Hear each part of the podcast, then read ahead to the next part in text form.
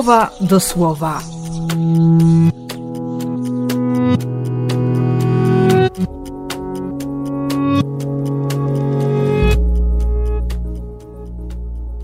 Piętnasty lutego, środa.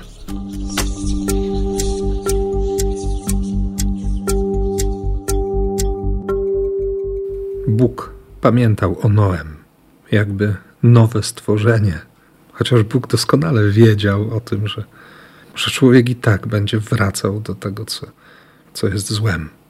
Od młodego wieku myśl człowieka z uporem lgnie do nieprawości. I co z tym zrobić?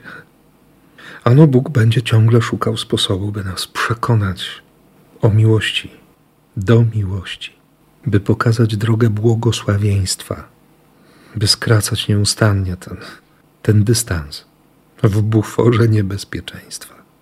Tak jak to zrobił z tym człowiekiem niewidomym dzisiaj. Ujął niewidomego za rękę, wyprowadził poza osadę i tam, no właśnie, nawet NPD podaje, swoją śliną zwilżył mu oczy. Ano napluł mu w twarz. Potem położył na niego ręce. Przytrzymał go, żeby, żeby ten nie zaczął uciekać. Nie? Czy coś widzisz?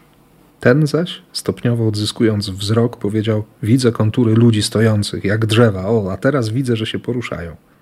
Trzeba było jeszcze jednego powtórzenia tego swoją drogą niezwykłego zabiegu medycznego i, i człowiek przejrzał całkowicie. I wtedy Jezus nakazał mu wrócić do domu, mówiąc na odchodne: Tylko nie wracaj do tej wsi. To zdanie Jezusa każe zupełnie inaczej przeczytać tę Ewangelię ten człowiek stracił wzrok, siedząc właśnie w tamtym środowisku. Bywa tak, nie? Kto z kim przestaje, takim się staje. Albo są takie okoliczności środowiskowe, że traci się zdolność właściwego spojrzenia, oceny sytuacji. Jeśli wejdziesz między wrony, musisz krakać i, i tak dalej, i tak dalej. Nie? Przyzwyczajenie, które staje się drugą naturą. Dlatego Jezus wyprowadził go poza tę wieś wszedł z nim w tę bliskość nieprawdopodobną. Może mu nawet uświadomił to, co, to, co było jego problemem. Splunął mu w twarz, może mu przypomniał o tym, co sprawiło, że, że ten człowiek przestał widzieć, przestał widzieć ludzi. Może się w sobie zamknął. Nie? Kto wie, co tam tak naprawdę się stało?